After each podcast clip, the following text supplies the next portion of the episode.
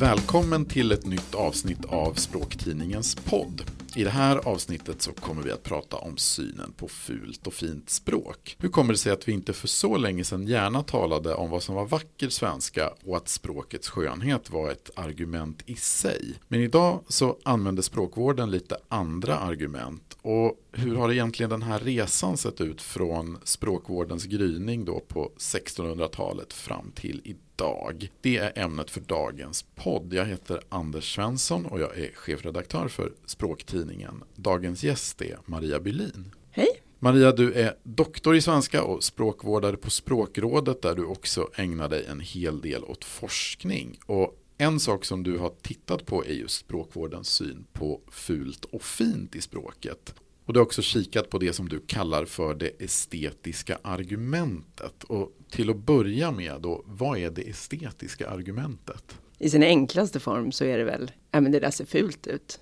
Det där låter fint. Så. Eh, men sen kan ju det stå för en massa olika saker om man analyserar det närmre. Och det varierar ju över tid, men också från person till person vad man tycker är fint eller fult språk. Eh, men det jag har tittat på är ju främst hur det har varierat historiskt, hur man inom språkvården har uppfattat olika typer av språk som fint eller fult. Den här synen på vad som är vacker svenska, det här skrev du för ett tag sedan om i, i språktidningen. Man hittade den artikeln i nummer 3 2019. Och där går du tillbaka till 1600-talet. Är det då för ja, men ungefär för 400 år sedan är det då vi har våra första så att säga språkvårdsdebatter i Sverige. Och vad, vad, är det vi diskuterar? Jag tror nog inte det är då vi har våra första, men det är ju då vi har de första källorna som vi kan läsa om. Men språkvårdsdebatter tror jag har funnits så länge språket har funnits. Till viss del så var det samma frågor som idag. Alltså man diskuterar lånord redan då. Vad är svenskt? Vad är svenska? Och vilka ord får man använda eller inte använda? Men sen diskuterar man väldigt mycket också behovet av enhetlighet i stavningen. Alltså då fanns det en helt annan variation än idag. Eh, och ibland kan man ju liksom själv tänka så här, men åh, måste det vara så krångligt att stava? Kan vi inte bara stava som det låter? Men det gjorde man ju då och de var ju inte alls nöjda med det. Och det kan man förstå när man tittar på eh, hur man kunde stava ett ord. Om man tar vit så kunde det stavas på massor av olika sätt. Och man kunde börja med enkel-V eller med dubbel-V eller med HV eller med bara H eller bara U. Så att hade det funnits en ordlista att slå upp det i så hade det varit väldigt svårt och veta vilken bokstav man skulle slå på. Så att det var liksom en helt annan situation än vad vi har idag. Och de var ganska missnöjda med det. Man uppfattade det som nästan lite skamligt för nationen sådär, att det var sån oreda. Så man ville väldigt gärna ha en enhetlighet. Eh, men sen hur man skulle landa där, hur man skulle stava, vem som skulle bestämma det och hur man skulle få alla att göra så. Ja, det diskuterar man inte så jättekonkret. Man var liksom inte riktigt där ännu. Så man gjorde alltså någon slags koppling mellan att ha ett eh, enhetligt och vårdat språk, att det hade någon slags samband alltså med någon slags nationell självbild. Fanns det alltså den typen av koppling? Absolut, det fanns redan då. Eh, just den här symboliska kopplingen mellan språket svenska och nationen Sverige. Eh, det var väldigt tydligt. Eh, och man uppfattade väl just att odla och ordna språket. Jag tror att ordning uppfattades som vackert. Man skulle ha en så här harmoniskt ordnad helhet. Det var liksom vackert och det gällde väl även språket. Eh, att kaos var fult. Ordning var vackert och bra. Det skulle man ha och det skulle också liksom främja nationens ära. Och, ja, det var ju ingen som liksom förklarade exakt hur detta hängde ihop. Utan det var liksom de här antagandena när man argumenterar för det. Men egentligen så är det ingen som argumenterar för att man behöver en standard. För det var nog ingen som ifrågasatte det. Utan det var liksom, man var överens om att det här behövde man verkligen. Men däremot så visste man inte riktigt hur man skulle åstadkomma det. Om vi går framåt lite i tiden så Svenska Akademin instiftas ju 1786 av, av Gustav III och när den grundas så skriver man ju i stadgarna att, att dess yppersta och angelägnaste göromål är att arbeta upp på svenska språkets renhet, styrka och höghet. Hur kommer det sig att, det här är ju för övrigt en fascinerande programförklaring måste man säga, men hur kommer det sig att det här kommer i slutet på 1700-talet? Finns det, är det här någon slags strömning i tiden? Det är det absolut och det är ungefär samma tankar som vi just pratade om. Men det tillkommer väl också att man vill ha en standard och ett språk. Man vill gärna liksom vetenskaperna börja utvecklas och man vill föra ut de här rönen till folket. Men sen är det också väldigt mycket att man vill ha en språket som en ordnad verktygslåda för poeter. Och det är liksom ett tecken på en kulturellt framstående nation att man har ett standardiserat och ordnat språk. Och Franska akademin instiftades ju tidigare, det är den som är förebild för flera akademier. Även fast det faktiskt finns en italiensk akademi som var tidigare, men den har liksom aldrig blivit lika inflytelserik, eller liksom the academy som den franska. Och det var ju den som Gustav III hade som förebild när han eh, skapade den svenska. Eh, och då hade man liksom ungefär samma programförklaring som dem, att man skulle jobba på det här. Och det är ju liksom renhet, styrka och höghet. Det handlar om att det skulle vara, språket skulle vara klart, det skulle vara uttrycksfullt och det skulle liksom ha höghet, det skulle ha högt anseende. Eh, så det handlade återigen om de här tankarna. Att man skulle liksom ordna och vårda språket, det var ett tecken på att man brydde sig om det, att man högaktade och respekterade det svenska språket och därmed också den svenska nationen. Så att hela tiden den här symbolkopplingen lever ju genom hela historien. Att eh, ta fram en ordbok och en grammatik, det ingår ju så att säga i arbetsbeskrivningen för Svenska Akademin redan från början. Och är det syftet, är det just med, med ordbok och grammatik, är det att de så att säga ska råda bot på den här oordningen? Är det det som är målet eller? Det vet jag inte, men det är i alla fall att skapa ordning och standard. Det är ju en sak att det finns en enorm språklig variation. Det gör ju kanske ingenting om man har, också har en skriftspråklig standard. Eh, så i vilken mån de ville liksom styra upp allt, det har jag faktiskt ingen aning om.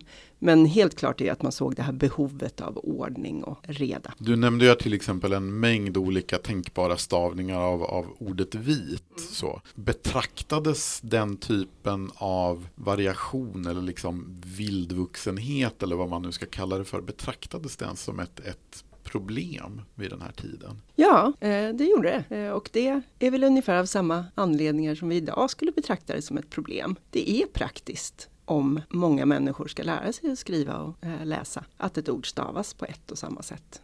Idag så tycker jag att jag ganska ofta möter den här uppfattningen att den moderna svenskan är, är rätt vildvuxen. Och det finns ju en stor spännvidd i språket. Liksom. Det finns sociala medier och slang lite på så att säga, ena änden av skalan. Och så har vi kanske skönlitteratur och myndighetstexter på en annan skala. Men säg då i slutet på 1700-talet när, när akademin grundas. Hur såg variationen ut då? Var den, lika, var den större än idag? Alltså det är ju ingen som har gjort det till den frågan till föremål för någon vetenskaplig studie. För att så mycket forskningspengar får man inte. Men man kan göra en kvalificerad gissning. Och min kvalificerade gissning är väl liksom ett rungande nej. Det tror jag inte. Utan variation är ju språkets naturliga tillstånd. Standard är ju någonting kulturellt skapat någonting som man behöver jobba på. Variationen finns ju där av sig själv. Så att säga. Men jag tror inte att det är någon större skillnad i hur mycket variation som fanns då eller nu. Jag tänkte vi hoppar fram ett, ett århundrade i tiden. 1888 så utkommer språkforskaren Adolf Norén med en skrift som heter Om språkriktighet. Och den är intressant på många sätt tycker jag. Han skriver bland annat att det är i det närmaste omöjligt att identifiera några objektiva kriterier för språklig skönhet. Och ändå hävdar han med någon slags underbar ologik tycker jag att, att det ändå måste finnas en objektiv norm för just skönhet. Och den normen hävdar han då är vad, ja, men att det är ett språk som helt enkelt fyller sitt syfte. Under 1800-talet så talas det om till exempel, och vilket du också skriver om i den här artikeln i språktidningen, att, att ja, men man talar om att svenskar har lite känsliga öron. Känsligare öron då än tyskar till exempel. Och att det då enligt Adolf Norén, men det kan, så då är det viktigt att ordföljden i meningar är fri från missljud. Och den typen av underbara argument. Adolf Norén han säger sig bland annat vara rationell när han så att säga pratar om språkvård. Och vilket han då stavar dessutom vilket också jag tycker är underbart, eh, R-A-T-S-J-O-N-Ä-L-L. det här är ju ändå en rätt, tycker jag, som sagt det här är slutet på 1800-talet, men jag tycker ändå att han ger uttryck för en syn på språkvård som ändå känns ganska modern. Mm. Kan man se hans ja, men hans vision av hur språkvården fungerar, känns den som lite av en föregångare till dagens språkvård? Absolut, eh, den linjen kan man ju se från honom och hela vägen fram till liksom klarspråksparagrafen. Alltså språket i offentlig verksamhet ska vara vårdat enkelt och begripligt, står det där. Och det kan man ju mycket väl tänka sig att Adolf Norén skulle kunna nystava den programförklaringen. Nej, men han är en föregångare till funktionalismen eh, och benar ut med nystavning mycket systematiskt. Vad finns det för argument för att det ena skulle vara mer, liksom bättre? Något språkligt uttryck skulle vara bättre än någonting annat. Eh, och vilka håller och vilka håller inte? Och då tycker han att det här funktionella det som bäst fyller sitt syfte. Det är det bästa och vackraste språket. Sen får vi Erik Wilander som också driver den tesen väldigt eh, starkt. Och den lever ju kvar än idag med just det här klarspråksidealet som är väldigt starkt i, i Sverige. Vi kommer till eh, Erik Velander om en liten stund. Jag tänkte vi ska uppehålla oss lite till med vi Adolf Norén. En sak som jag tycker är väldigt intressant med honom det är att han är väldigt allmänt positiv till, till lånord. Han hävdar att de berika språket och argumentet är, ja, men det är det här funktionella argumentet. Han hävdar att eh, med ett rikare ordförråd så ger det så att säga större förutsättningar för att hitta rätt uttryck. Att, och då är det ju någonting som fyller sitt syfte så att säga. Ja, men han talar om att det precisa uttrycket det är så att säga vackert i sig. Men om vi jämför med dagens situation så, så idag är det ju rätt mycket, om man nu ska kalla dem språkpoliser vet jag inte, men personer som kommenterar språk i olika sammanhang som reagerar ganska starkt på lånord och kanske just då idag i synnerhet på engelska lånord som man kanske tycker är onödiga eller fula eller vad det nu kan vara. Och det här är en typ av reaktion som jag tycker ja, men vi mötes till exempel ganska ofta ja, men i samband med Eh, arbetet med nyordslistan och sådär. Att det är många som tycker att det är onödiga engelska lånord. Så jag tänker som sagt, Adolf Norén var ju väldigt positiv till lånord och idag tycker jag att man möter en hel del negativa attityder till lånord. Till att börja med, stöter du också på som språkvårdare på språkrådet, stöter du på mycket negativa attityder till lånord? Ja och nej. Många är ju kritiska och tycker framförallt att engelskan är problematisk. Eh, och där tänker jag också att språkvården kanske får axla en del av ansvaret att fram till ganska nyligen eh, så har nog språkvården också reagerat på engelska lånord som att de är problematiska. Eh, och nu jobbar vi mer och försöker anpassa dem och få in dem i böjningssystemen. Sådär. Men man kan ju se just det här förhållandet till lånord och liksom purismen och funktionalismen eh, går ibland tydligt hand i hand. Alltså, på ett sätt kan man tänka som Adolf Norén, just det här att vi behöver fler ord, ju fler desto bättre, fler nyanser, mera färg med ä och j som man stavar. Eh, och då blir det liksom bara bättre och bättre med det svenska språket. Det andra som funktionalister också tar upp då är ju att alla kanske inte förstår om man lånar in från franska och engelska eller vilka språk vi nu har lånat ifrån, så är det ju, kan det finnas människor som inte känner till de nya orden och då blir det inte funktionellt för de begriper inte. Och då kan man liksom använda det funktionella argumentet. Det kan ju liksom jämföras med det puristiska, att svenskt är bäst för att det är svenskt. Men rent funktionellt så blir argumentationen svenskt och svenska ord är bäst för de är lättast att förstå.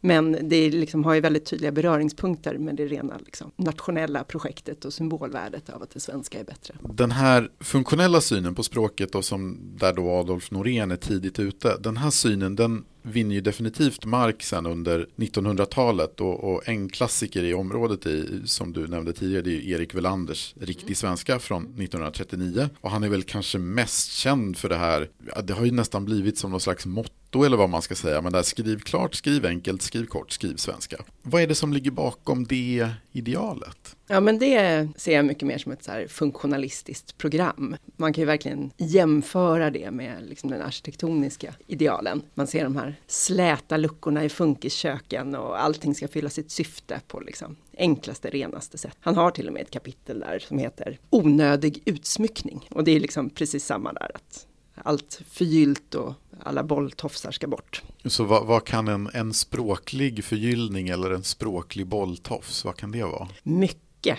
skulle jag säga. Det är en väldigt tjock bok där och det är mycket som ska bort.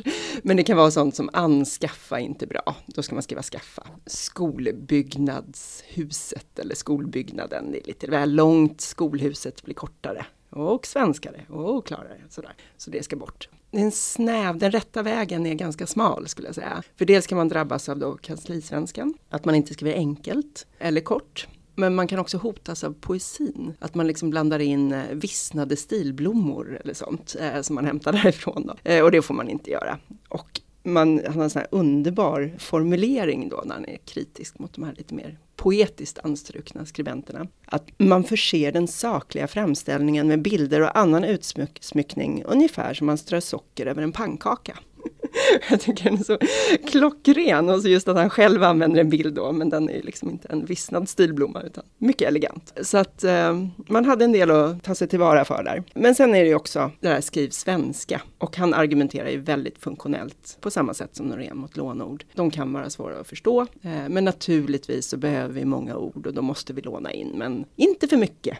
Och då kan det bli fult och då kan det bli smaklöst. Eh, och skriver också ganska mycket om hur han menar att det drabbar författaren. Att om man då använder liksom för många pråliga lånord och vill liksom visa hur lärd man är som kan främmande språk eller så. Det kan drabba ens etos på något sätt. Att man framstår som liksom fåfäng och flärdfull och i värsta fall också okunnig om man råkar använda de här lånorden lite fel eller så. Så det kan drabba en hårt. Om vi hoppar fram, tänker jag, i tiden till 60-talet så förändras ju synen ytterligare. Då kommer ju ett ja, men för första gången tror jag, ett, liksom ett klassperspektiv in i bilden. Och då är det ju språksociologer som, som anser att synen på vad som är fult och fint språk, det är egentligen mer eller mindre synonymt med vilka grupper i samhället som har låg eller hög status. Och överklass, ja det blir synonymt med hög status och fint språk. Och underklass, ja det blir synonymt med låg status och fult språk. I Sverige så är ju det här någonting som bland annat eh, språkvetaren Lars-Gunnar Andersson ägnar sig en hel del åt. Han kommer med en bok som ja, men lite blir en klassiker tycker jag. Jag läste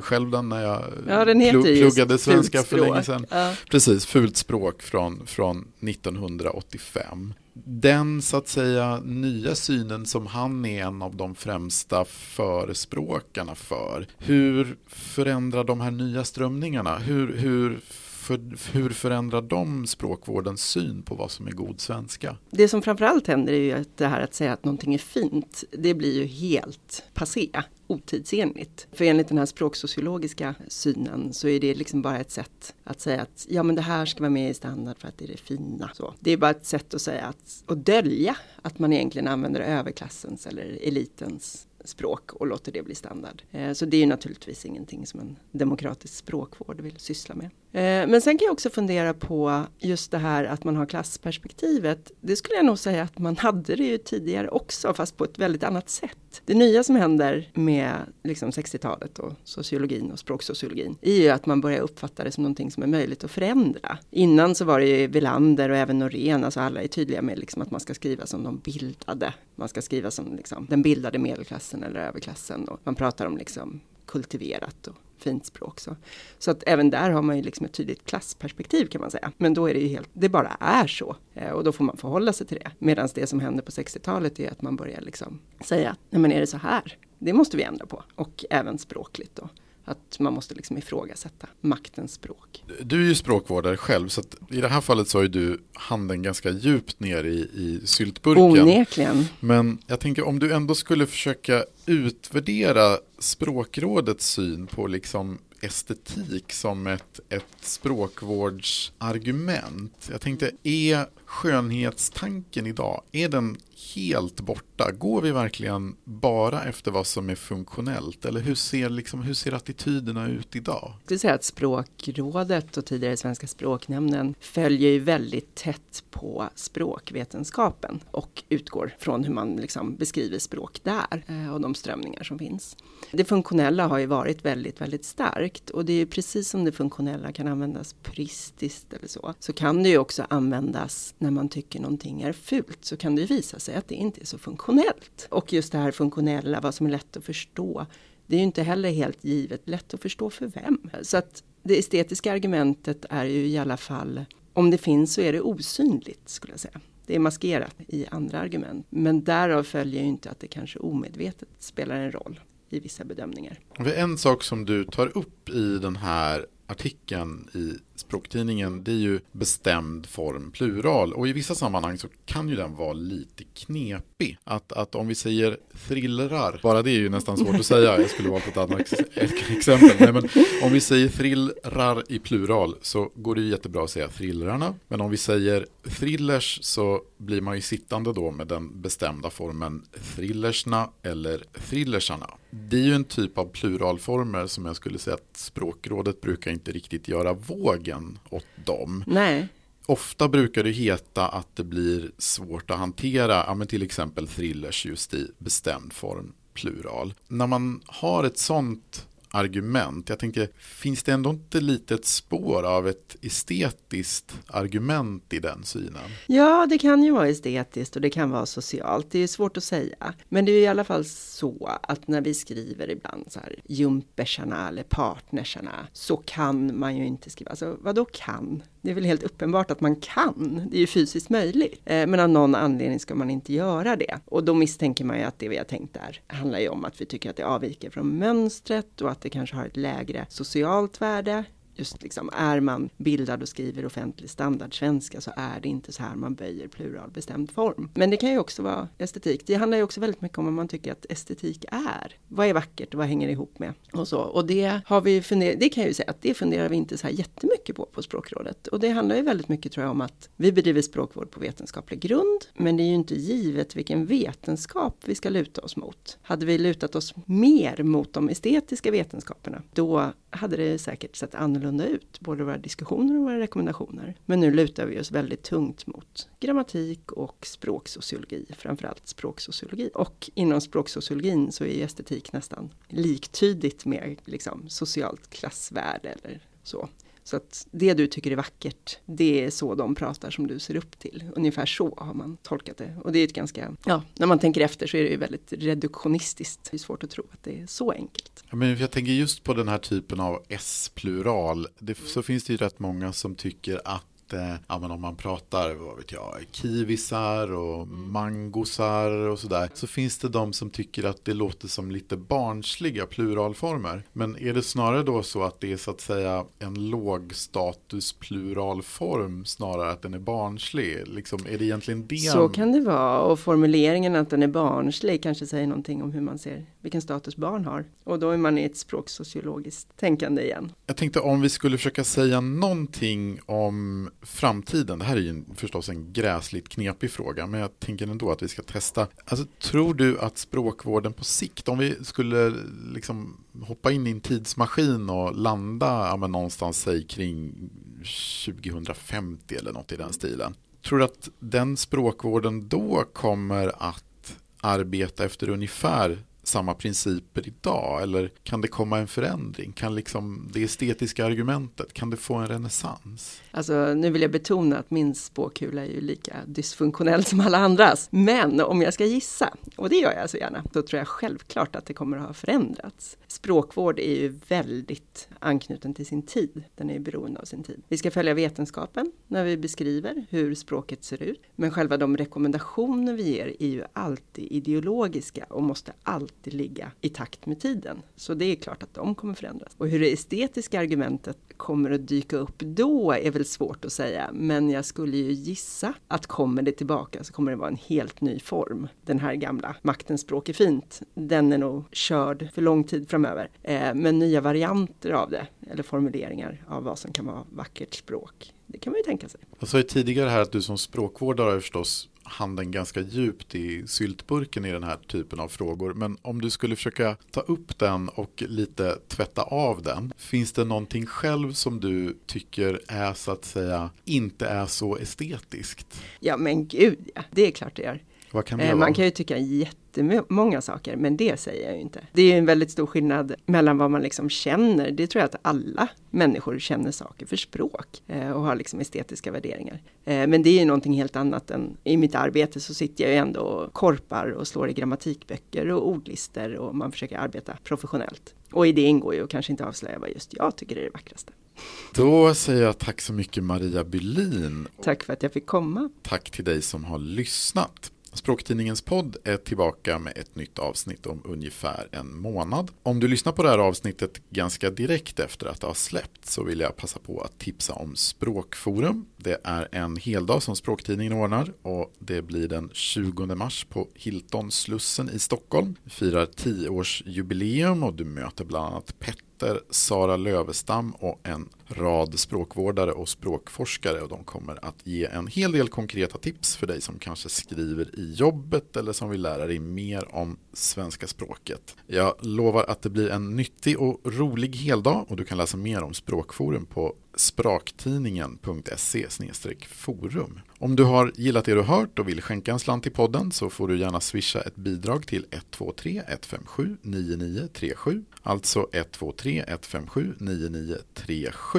och beroende på i vilken poddtjänst du lyssnar på det här så får du jättegärna ge oss en stjärna eller en tummen upp eller en kommentar eller en recension. Det sägs ju att de algoritmer som styr vad som rekommenderas och sånt här är väldigt förtjusta i sånt och vi vill förstås att den här podden ska få så många lyssnare som möjligt. Om du är nyfiken på Språktidningen och vill testa en prenumeration så kan du alltid gå in på språktidningen.se. Tack så mycket och på återhörande.